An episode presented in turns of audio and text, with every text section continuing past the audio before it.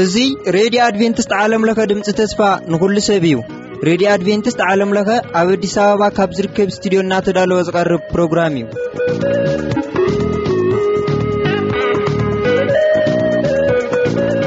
ኣብ ርሑቕን ቀረባን መደባትና ንምድማፅ ኣብ መስመርና ትርከቡ ተኸታተልቲ መደብና ብቐዳምነት ዝዓዘዘ መንፈሳዊ ሰላምታ ኣብ ዘለኹም ወይ ውፃሕኩም ንብል ካብዚ ካብ ስቱድዮና ብምቕፃል ንሎሚ ዝህልወና መደብ መደብ ክፍለጥ ዘለዎ እዩ ምሳና ፅንሑ ሰናይ ምክትታል።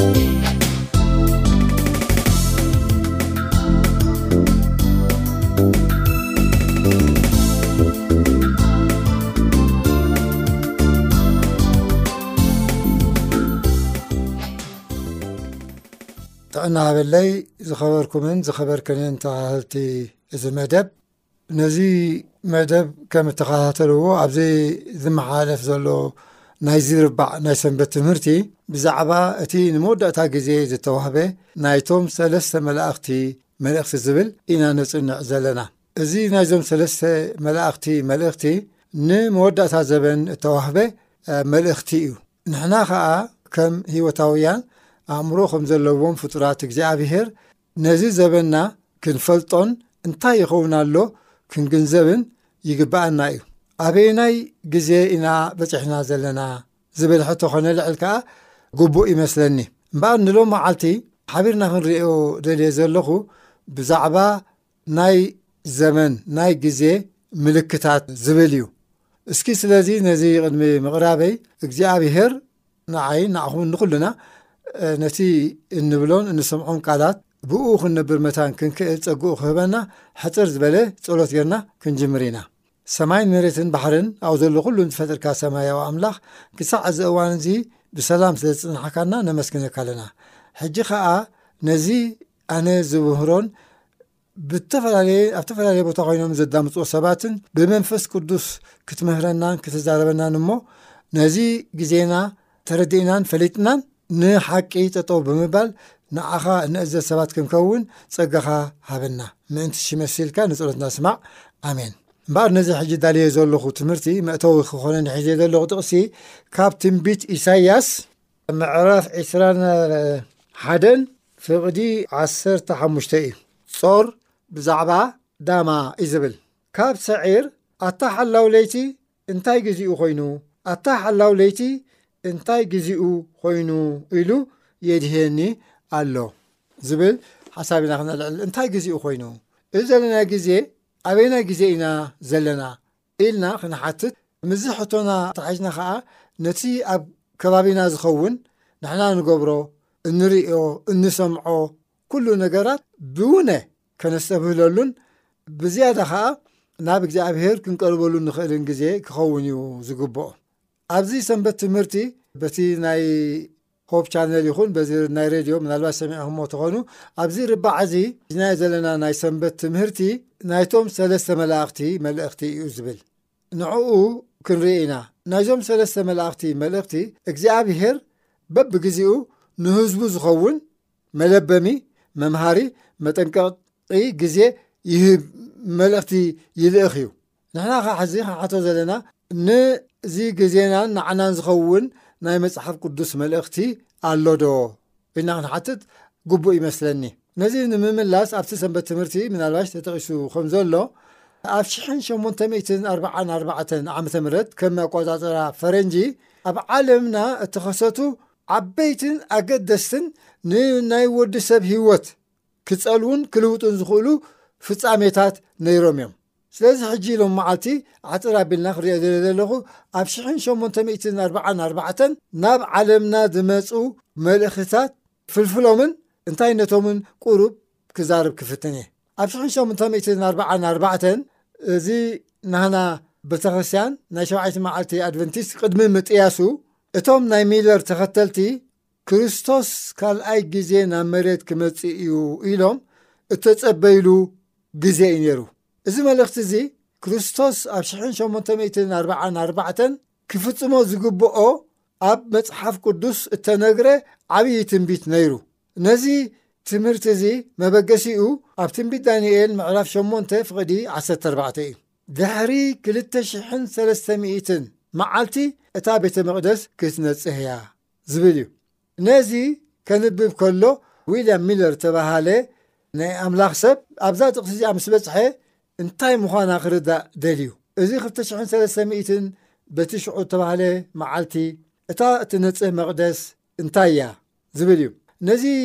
መልእኽቲ እዚ ንዳንኤል ዝተዋህቦ ህዝቢ እስራኤል ከም ህዝቢ ኣብ ባቢሎን ኣብ ምርኮ ዝነበሩሉ ግዜ እሞ እቲ ናይ ምርኮ ናይ ስደት ግዜኦም ኣኺሉ ናብ ዓዶም ዝምለስሉ እዋን በጺሑ ኢሉ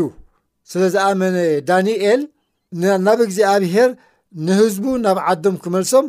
ኣብ ጾምን ኣብ ጸሎትን ተጸሚዱ ኣብ ዝነበረሉ ግዜ እዩ እዚ ምስ ግዜ ምስ መዓልታት ዝተሓሓዝ ትንቢት ምስ መጸ ግን ቁሩብ ተደናጊሩ እንታይ እዩ እዚ መዓልትታት እዚ እንታይ እዩ? ብኸመይ እዩ ዝፍጸም? ዝብል እታ ቤተ መቕደስከ ገናዶ ንኽን ዝኣክል ግዜ ክሰር ክጸንሕ እያ ከይተሓደሰ እታ ናይ ቤት ናይ እስራኤል ዝብል ሕቶ ልዒሉ እዚ ኸኣ ንነዊሕ ግዜ ዝኸይድ ድሕሪ ዳንኤል ከዓ ድሕሪ ነዊሕ ግዜ ዝፍፀም ትንቢት ምዃኑ ነጊሩ እቲ መልኣኽ ደሓን ሕተሞ ኢልዎ ዳንኤል ግን ክሓትሞ ኣይከኣለን ደሓር ኣብ ጾምን ኣብ ጸሎትን ምስ ተጸምደ እግዚኣብሔር ነቲ መልኣኽ ገብርኤል ልኢኹ ነዚ ናይ ዘመን ናይ ግዜ ትንቢት ክገልጸሉ ጀሚሩ ኣብቲ ናይ እስራኤል ታሪኽ ካብ ሓደ ውሱን ዓመተ ዓመት ጀሚሩ ክሳዕ እዚ እታ ቤተ መቕደስ ነጽሃሉ ዝብል ናይ ግዜ ሰሌዳ ተዋሂብዎ ካበይ ጀሚሩ ብኸመይ ከይዲ ከም ዝኸይድ ኩሉ ኣብኡ ተተንቲኑ ኣሎ ምናልባት ነቲ ሓፈሻዊ ትንታነ ኣብ ካልእ ኣጋጣሚ ከነልዕሎ ንኽእል ኢና እቲ ትንቢት መልኣኽ ገልጸሉ ከሎ ብዛዕባ ጥምቀት ክርስቶስ ብዛዕባ ሞት ክርስቶስ ድሕሪ ዝስዕብ ነገራትን ብዝርዝር ነጊርዎ እዩ ሎማዓልቲ ግን እታ ከብላ ዘለ ዘለኹ እታ ናይ መጠረሳ ምንፃህ መቅደስ ኣብ 2300 ዓመት ድሕሪ 2300 ዓመት እትብል እያ በቲ ዊልያም ሚለር ዝገበሮ ፅፁይ መፅናዕቲ እዚ ዓመት እዚ 2300 ኣብ 1844 ዓመት ከም ዘብቅዕ ተገንዚቡ መቕደስ ማለት መሬት ክትከውን ትኽእል ስለዚ ክርስቶስ እንደገና ተመሊሱ ናብ መሬት ክመጽእ እዩ ኢሉ ስለ ዝኣመነ ዊልያም ሚለር በዚ ንዓለም ክሰብኽ ጀሚሩ ብዙሓት ሰባት ተኸቲሎሞ ስለዚ ኣብታ ዝበላ መዓልቲ ኣብ ካሊፎርኒያ ክርስቶስ ዳግማይ ክመጽእ ኩሉ ምድላዋቶም ገይሮም ይጽበዩ ነይሮም ክርስቶስ ኣይመጸን እቶም ኣብኡ ዝነበሩ ብዙሓት እተፈላለየ ስጕምትታት ወሲዶም፣ ናይ ተስፋ ምቕባጽ። ካብኦም ግና ውሑዳት ጕጅለ፣ እዋእ፣ እግዚኣብሄር ኣይጋገ ኣየጋጊ፣ መጽሓፍ ቅዱስ እውን ትኽክል እዩ ኣይጋገን እዩ፣ ስለዚ ንሕና ኢና ተጋጊና ማለት እዩ፣ እንታይ እዩ ጌጋና? ኢሎም ኣብ መጽናዕትን ኣብ ጸሎትን እንደገና ተጸሚዶም። ብዝኾነ እቲ ኣብዚ ዓመት እዚ ዝኾነ ነገር እግዚኣብሄር ነቶም ተረፍ ናይቲ ጉጅለ ኣብቲ ሓቂ ጸኒዖም ክምርምሩ ከጽንዖም ዘለይ ሰባት እግዚኣብሄር ገሊጹሎም ስለዚ እቲ ሓደ ነገር ኣብዚ ሽሕን ሸሞንተ ሚእትን ኣርብዓን ኣርባዕተን ኣብ ምሉእ ዩኒቨርስ ጽልዋ ዘለዎ ኣብ ሰማይ ሓደ ዓብዪ ኩነት ከም ዝጅምር እዩ እቲ ትምህርቲ እዚ ከዓ ብካልእ ግዜ ተንቲና ክንሪኦ ንኽእል ንኸውን ክርስቶስ ምስ ዓረገ ክሳዕ እዚ እዋን እዚ ናይ ካህናት ናይ ካህን ኣገልግሎት እዩ ዝፍጽም ነይሩ። ኣብዛ እተፈልየት ግዜ ግን ናይቲ ሊቀ ካህናት ዝፍጽሞ ዝነበረ ኣብ ዓመት ሓደ ግዜ ዝካየድ ናይ መዓልቲ ስሬት ወይ ናይ መዓልቲ ንስሓ ዝብል ዓብዪ ግዜ ዝጅመረሉ እዩ። ስለዚ በዚ ናህና ናይ ቤተክርስያንና ትምህርቲ ኣብ ሽሕን ሸሞንተ ሚእትን ኣርባዓን ኣርባዕተን ክርስቶስ ካብታ ቅድስቲ እትበሃል ቦታ ናብታ ቅድስተ ቅዱሳን እትበሃል ቦታ ብምእታው እቲ ናይ ፍርዲ መርመራ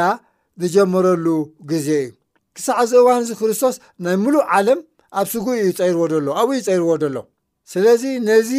ሓጢኣት እዚ ኩሉ ጸይሩ ናይቶም ዝተናስሑ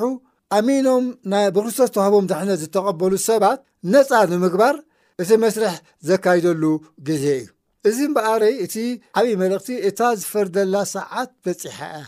እቲ ናይ ፍርዲ መርመራ ፍጸመሉ ከይዲ ጀሚሩ እዩ እያ ትምህርቲ። ስለዚ ኣብዚ ሽሕን ሸሞንተ ሚእትን ኣርብዓን ኣርባዕተን ናብ ዓለምና ዝመጸ ሓደ ዓብይን ኣገዳስን መልእኽቲ እግዚኣብሄር ዝፈርደሉ ግዜ በጺሒ እዩ እሞ ናብ እግዚኣብሄር ተመለሱ ንዓርስኹም መርምሩ ዝብል ናይ እግዚኣብሄር መልእኽቲ እዩ። እቲ ተጻባኢ ዲያብሎስ እውን ስለ ዘይዓርፍ ኣብዚ እዋን እዚ ዘበገሶ ካልእ ኣብ ዓብይን ኣገዳስን ትምህርታት ንዓለምን ንህዝቢ ዓለምን ዝጸለዉ ከዓ ነይሩ እዩ እዚ ዲያብሎስ ኣበጊስዎ ወይ ሰይጣን ኣበጊስዎ ኣብ ሽሕን ሸሞንተ ሚትን ኣርባዓን ኣርባዕተን ጀሚሩ ዝብሎ ዘለኹ ትምህርቲ እንታይ እዩ ዝብል እስኪ ብቑሩብ ንርአ ኣብ ሽሕን ሸሞንተ ሚትን ኣርባዓን ኣርባዕተን ካርል ማርክስ ነቲ ማርክሲዝም ዝበሃል ናይ ዓለም ናይ ፖለቲካ መነባብሮ ፍልስፍና መፅሓፍ ዝፀሓፈሉ ግዜ እዩ እምበኣር ኣብዚ ክንሪኦ ከለና ጥቕልል ኣቢልና ኣብ ሽሕን ሸሞንተ ሚእትን ኣርብዓን ኣርባዕተን ዝመጸ ናይ ካርል ማርክስ ትምህርቲ ዓለም ናይ ሸቃሎ ክትከውን እያ ኣብ ዓለም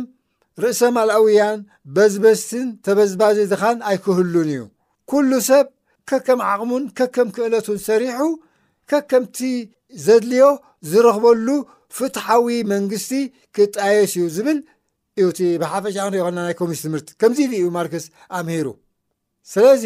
እቲ ብካርል ማርክስ ዝጀመረ ኣብ ሽሕን ሸሞንተ ሚእትን ኣርብዓን ኣርባዕተን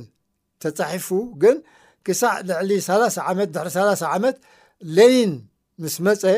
እቲ ናይ ሌኒን ናይ ኮሚኒስት ምንቅስቃስ ምስ ጀመረ እዩ እዚ ናይ ማርክስ መፅሓፍ ተሓቲሙ ንህዝቢ ተበቲኑ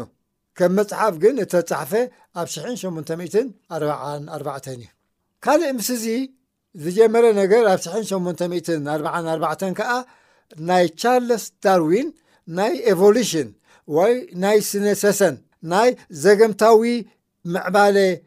ትምህርቲ እዩ ብሕፅር ዝበለ ቻርለስ ዳርዊን እንታይ እዩ ኣምሂሩ ንኩሉ ፍጥረት በብመልክዑን በብባህርዩን ዝፈጠረ ፈጣሪ የለን ኩሉ ፍጡር ካብ ሓደ ዋህያኣዊ ትሑት ውዳቤ ጀሚሩ እናበዝሐን እናሰፍሐን እናማዕበለን ከይዱ ኣብ መጠረሳ እቲ ምዕባለ ሰብ መፅዩ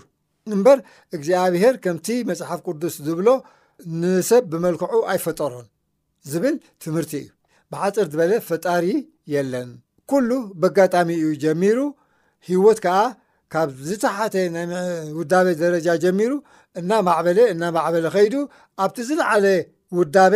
ኣብ ሰብ ኣእምሮ ዘለዎ ኩሉ ካልእ ውነን ኩሉ መሓውርን ዘለዎ ውዳቤ በፂሑ ዝብል ትምህርቲ እዩ። ሕዚ እዚ ክልቲኡ ደሚርና ክንሪኦ ከለና እቲ ሽዑ ኣብ ዓለም ግኑን ዝነበረ ትምህርቲ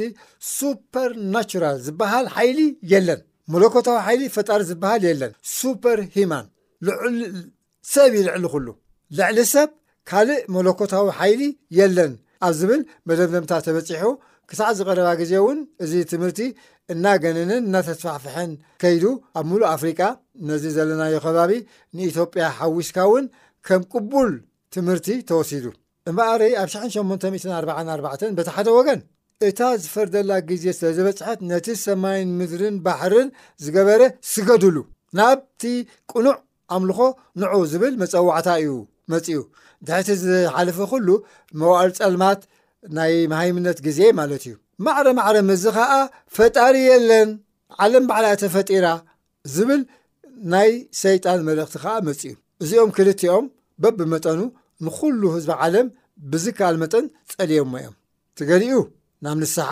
ናብ ጽድቂ እቲ ኻልእ ከኣ ናብ ምስራር ልብን ናብ ሓጢኣትን ናብ ክልተ ኣንፈት ወዲ ሰብ ዝተጓዕዘሉ ግዜ እዩ መጺኡ ክንርኢ ከለና ካልእ እውን ኣብዚ ሽሕን ሸሞንተ ሚእትን ኣርብዓን ኣርባዕተን ዓመተ ምህረት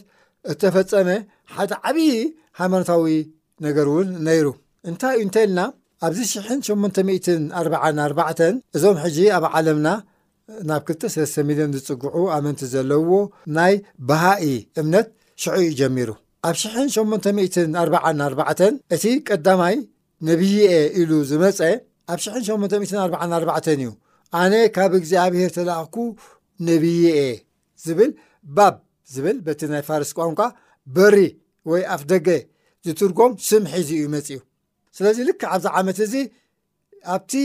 ኣብ ኣሜሪካ ናይ ካልኣይ ምጻት ክርስቶስ ምንቅስቃስ ኣብ ዝነበረሉ ግዜ እዚ ካብ ኣምላኽ ተላኢኸ ዝመጻእኹ ነብዪ ኢሉ ትምህርቱ ጀሚሩ ብዙሓት ሰባት ኣብቲ ከባቢ ስዒቦሞ ካብቶም ነዚ ሰብ እዚ ብትኽክል ዝሰዓብዎ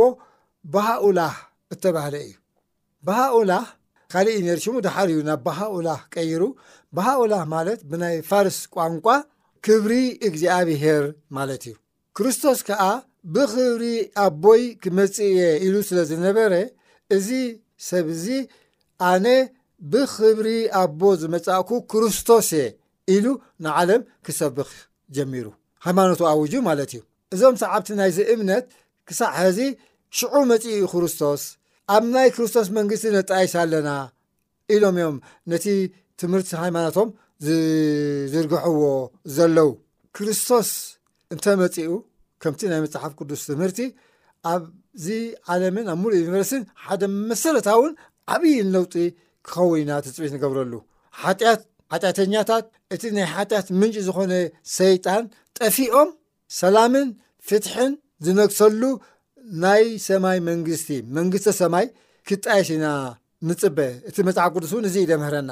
እዚ ከይኮነ ግን እቲ ካልእ ኩሉ ከም ዘለዎ እናቐፀለ ከሎ ውሕዳት ግጅለ ኣብ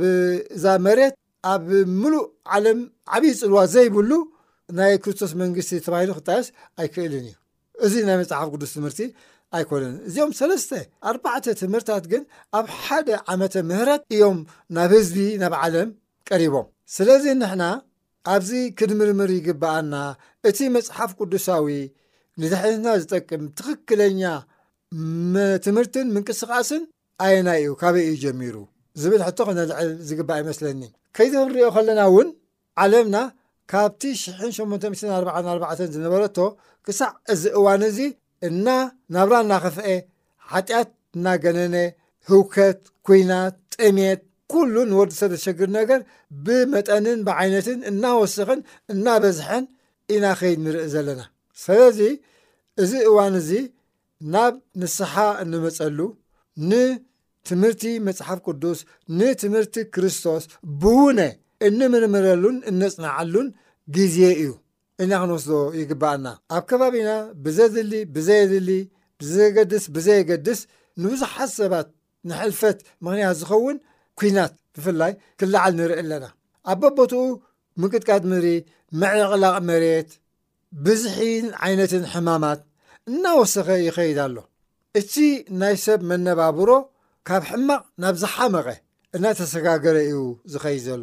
እዚ ከም ዝኸውን ከኣ መጽሓፍ ቅዱስ ነጊሩና እዩ። እዚ ኹሉ ክኸውን ምስ ረኣኹም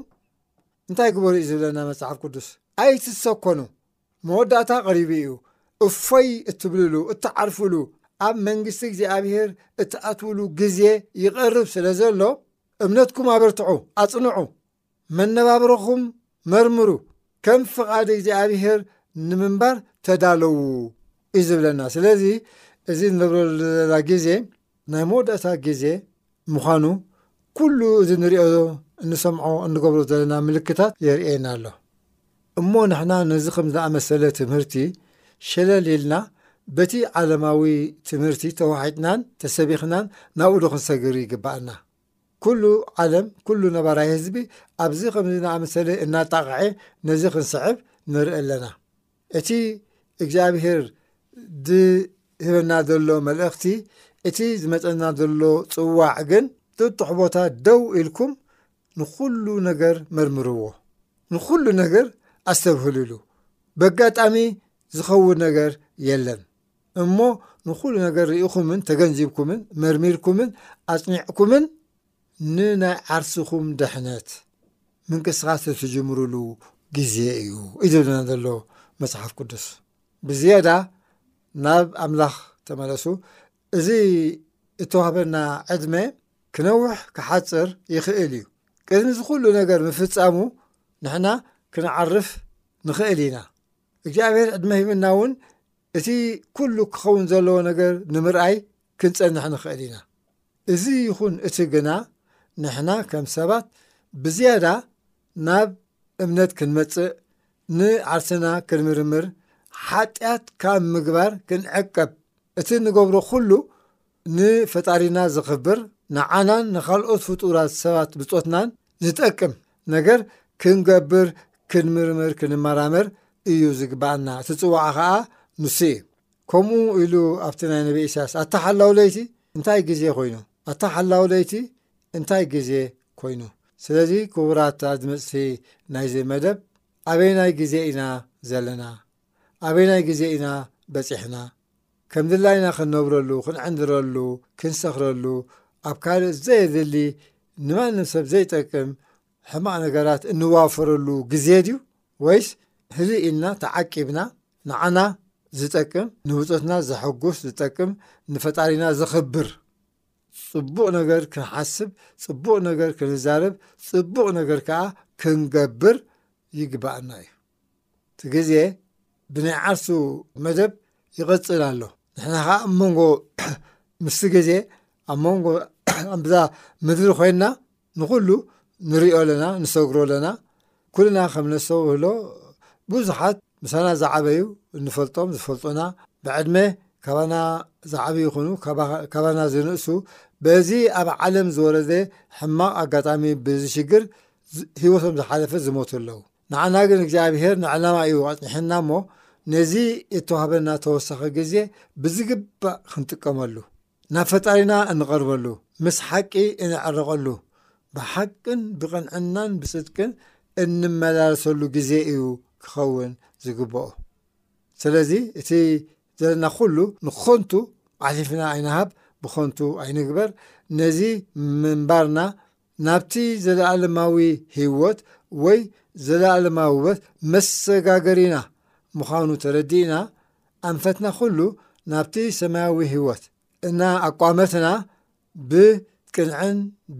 ብፈሪሃ እግዚኣብሔርን ብትሕትናን ክንነብር ክንመላለስ ብኩሉ መነባብሮና ንገብሮ ከዓ ንኩሉ ሰብ ዝጠቅም ፅቡቕ ነገር እናሓሰብና ፅቡቕ ነገር ክንገብር እዩ ዝግባኣና እሞ ነዚ ክንገብር እግዚኣብሔር ይሓግዘና ናይ ሎም መዓልቲ ትምህርትና ኣብዚ ኣብቂዕና ኣለና